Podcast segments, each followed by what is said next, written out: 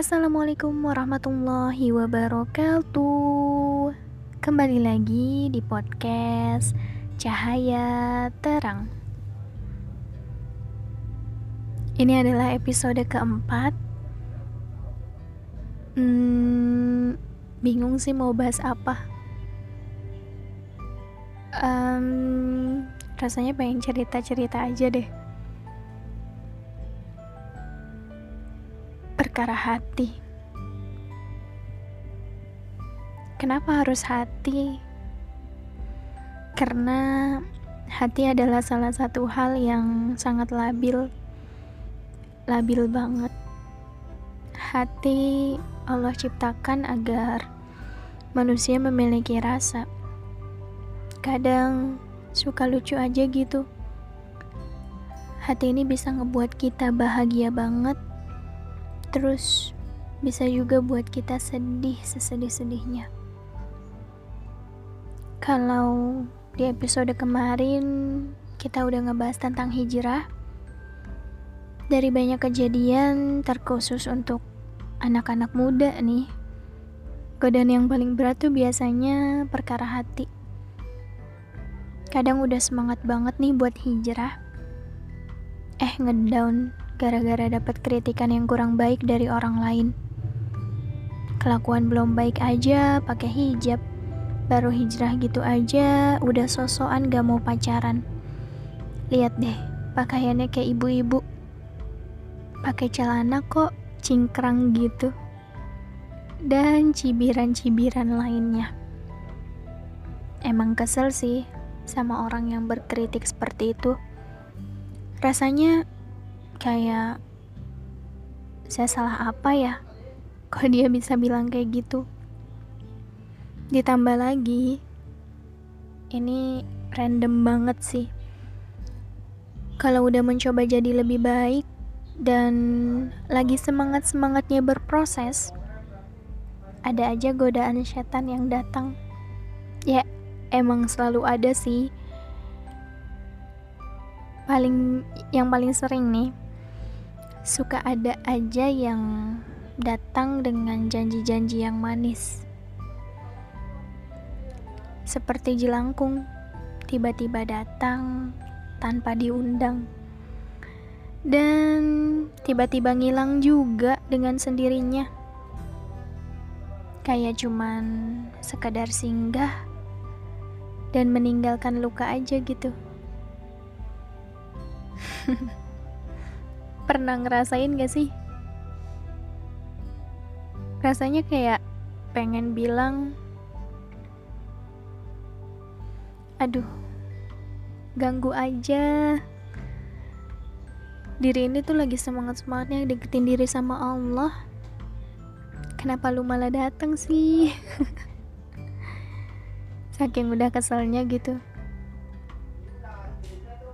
Karena gak sedikit orang yang udah berproses hijrah terus tiba-tiba kena virus ini jadi gak bisa istiqomah dalam hijrahnya.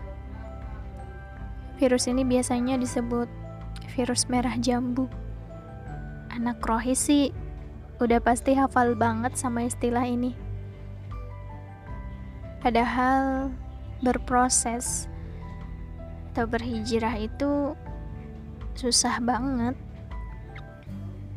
entah itu godaan dari orang-orang sekitar terus kita coba tutup kuping dari kritikan jelek mereka. Belum lagi ada mungkin beberapa yang memiliki kendala sama orang tua. Gak boleh pakai kayak gini nanti dibilang sesat Gak boleh ikut-ikut ini Gak boleh ikut-ikut itu. Dan ujian-ujian lainnya yang padahal kita udah coba untuk kendaliin hati kita dan sabar dalam ngejalanin itu tapi dia dengan seenaknya datang dengan kata-kata manis dan memberi harapan palsu. Terus ujung-ujungnya nyaman menjadi alasan untuk gak bisa pergi dari situasi dan hubungan yang salah itu. Astagfirullah. Guys, apa kita gak sayang sama proses yang udah kita jalanin? Apa kita gak malu sama Allah? Udah coba untuk berubah jadi lebih baik, tapi karena Allah kasih ujian perkara hati aja kita nggak kuat, meluangkan waktu untuk kajian, nyoba pakai rok atau gamis, nyoba ngejauh dari teman-teman yang gak baik, terus yang laki-laki nyoba sholat di masjid, nyoba berhenti ngerokok, nyoba ngurangin game. Eh malah ketika dirasa udah baik, tetap aja ngebaperin anak orang yang sedang dalam proses baik juga. Pernah kebayang gak sih efeknya ngebaperin orang gimana? Apa udah siap untuk bertanggung jawab atas semua janji-janji manis yang kalian umbar? Ketika Allah tanya di yaumil akhir nanti, udah berapa banyak hati yang kita sakitin? Kadang suka ada aja yang beralasan, ya gimana, cinta kan datangnya tiba-tiba. Gue udah kenal lama sama dia, gue udah nyaman. Kita sama-sama baik, sama-sama suka ngingetin kebaikan. Kita juga gak mengapa-ngapain. Guys, itu adalah tipu daya setan. Kalau emang sama-sama baik, kenapa gak nyari pahala bersama? nikah misalnya. Kenapa malah lebih milih jalan untuk nyari dosa bersama? Apa itu yang dinamakan cinta? Tapi kan kita masih muda, belum siap untuk menikah, belum siap untuk belum siap untuk menikah. Terus kalau milih hubungan yang sia-sia, berarti siap untuk menanggung dosa. Hebat banget. Sesuci apa sih diri kita? Cobalah peduli sama diri sendiri. Jangan mencari pembenaran terhadap sesuatu yang kita sukai. Hukum Allah kan udah tertulis. Apakah kita mau menentang? Emang kita siapa? Kita kan Allah takdirin hidup di buminya untuk beribadah, bukan untuk menikmati kesenangan dunia. Kita ini numpang loh. Allah kasih kebebasan hidup di dunia secara gratis. Coba deh bayangin. Misalkan kamu ngekos, terus di kosan itu ada peraturan yang gak boleh dilanggar, dan kita mau nurutin peraturan itu walaupun kita bayar. Terus kalau sekarang kita numpang di bumi Allah, gratis lagi. Lalu Allah udah nerapin peraturan dan kewajiban yang harus kita lakukan dalam Al-Quran. Apakah kita masih berani ngelanggar? Percaya deh, solusi terbaik ketika kita jatuh cinta ya menikah. Dan kalau belum siap, ya puasa. Tahu kan bagaimana nikmatnya berbuka setelah berpuasa. Gak ada cinta dan hubungan yang benar-benar tulus sebelum pernikahan. Balik lagi, itu hanya tipu daya. Buktinya begitu banyak korban sakit hati. Siklusnya tuh kurang lebih kayak gini. Dideketin, dibaperin, dibikin nyaman. Terus ketika dapat satu hal yang dia mau, tiba-tiba jadi dingin, hilang, dan akhirnya dia yang nemuin yang baru lagi. Sementara kita masih terjebak dan gak terima dia kayak gitu ke kita. Kadang ada juga yang malah balik lagi dan siklusnya diulang-ulangin lagi. Kuat banget hatinya. Tapi kan banyak juga yang menjalani hubungan dan berakhir ke pernikahan. Mau cari pembelaan seperti apa lagi? Zolim banget rasanya diri ini ya Allah. Pernikahan adalah sebuah hal yang sakral, suci. Bahkan ketika ingin melangkah ke tahap itu harus benar-benar udah siap. Harus benar-benar difikirkan segala hal dari mulai spiritual, mental, finansial, keluarga, dan hal lainnya. Apakah kita tega memulai sesuatu yang suci dengan sesuatu yang sama sekali Allah nggak ridho? Rasanya apa yang Allah bilang dalam surat Al-Isra ayat 32 udah jelas. Mungkin kalian juga sering dengar bunyi ayatnya tuh kayak gini. Bismillahirrahmanirrahim. ولا تقربوا الزنه إنه كان فاحشة وساء سبيلا Artinya, dan janganlah kamu mendekati zina. Sesungguhnya zina itu adalah suatu perbuatan yang keji dan suatu jalan yang buruk. Zina di sini mencakup banyak hal, zina hati, zina pikiran, bahkan berdua-duaan dalam chatting pun bisa disebut zina jika pembahasannya di luar batas syariah. Mungkin akan ada yang bilang, Aduh, hidup mah santai aja kali. Gak usah kaku-kaku banget. Ya, silahkan aja. Itu pilihan. Tapi semakin dewasa kita, ya harus bisa memilih mana pilihan yang lebih mendekatkan diri kita sama Rob. Sama Tuhan kita, Allah. Bukan sama kesenangan semata. Biasanya kalau udah hijrah, pasti ada satu circle pertemanan yang baik. Terus ketika kita hilaf dan melakukan hal yang salah, apakah kita nggak minder sama mereka? Pasti malu kan untuk kembali lagi sama mereka?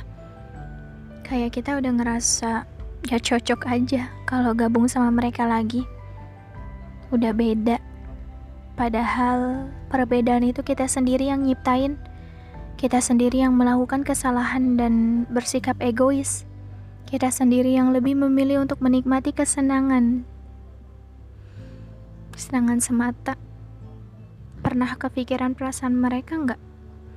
Percaya deh, mereka ngerasa sedih, kecewa, dan bingung banget gimana caranya kamu kembali bersama mereka. Bersama-sama lagi dalam kebaikan. Coba lebih difikirkan lagi ya, jika ingin bertindak. Jangan cuma pikirin efeknya untuk diri kita aja, tapi pikirin juga bagaimana efeknya untuk orang sekitar kita.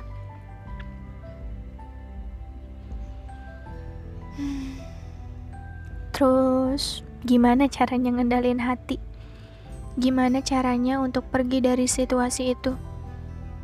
dan gimana caranya untuk tetap bertahan dalam kesendirian di tengah kesenangan dunia yang menggiurkan, di tengah banyaknya teman-teman yang pacaran, di tengah banyaknya teman-teman yang merasakan cinta, tapi kita jomblo gitu. Gimana caranya? Ya, sibukkan diri. Fokus perbaiki diri, memperbaiki ibadah, fokus bahagiain orang tua, keluarga, maupun orang sekitar dengan cara apa? ngaji, belajar, menuntut ilmu, bantu orang tua, cari kesibukan yang bermanfaat selama masih muda. Dan jangan gampang baper. Kalau ada yang menyelipkan kata-kata manis lagi. Ini bukan berarti kamu menutup hati untuk seseorang, bukan. Ya supaya kamu fokus aja untuk menjadi lebih baik. Dan dalam perkaya kayak gini sebenarnya ya sama-sama salah. Entah perempuan yang tidak pandai mengendalikan hati sehingga mudah terbawa perasaan atau laki-laki yang tidak pandai juga menjaga mata dan hawa nafsunya.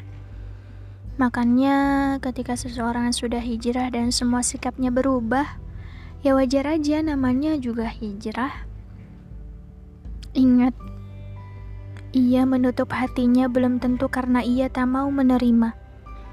Mungkin ia hanya ingin memberi jeda karena sedang menikmati kedekatan dengan robnya. Jangan diganggu, kamu malah akan kehilangan nantinya. Berdoalah. Sungguh, hanya Allah yang maha membolak-balikan hati.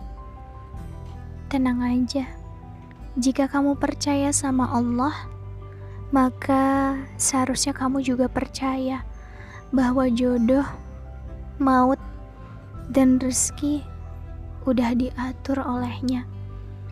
Ada sebuah kata, bila berpisah adalah kata terakhir antara kau dengan dia, maka ikhlaskanlah. Hari ini saja perpisahan itu terasa menyakitkan dan menyesakan.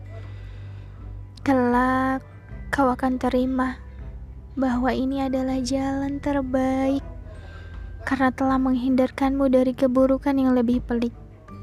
Berpisah lalu bahagia, bahagia dengan jalan masing-masing. Meskipun awalnya akan terasa sulit, gak apa-apa, itu proses. Kamu pasti bisa kok melewati itu semua.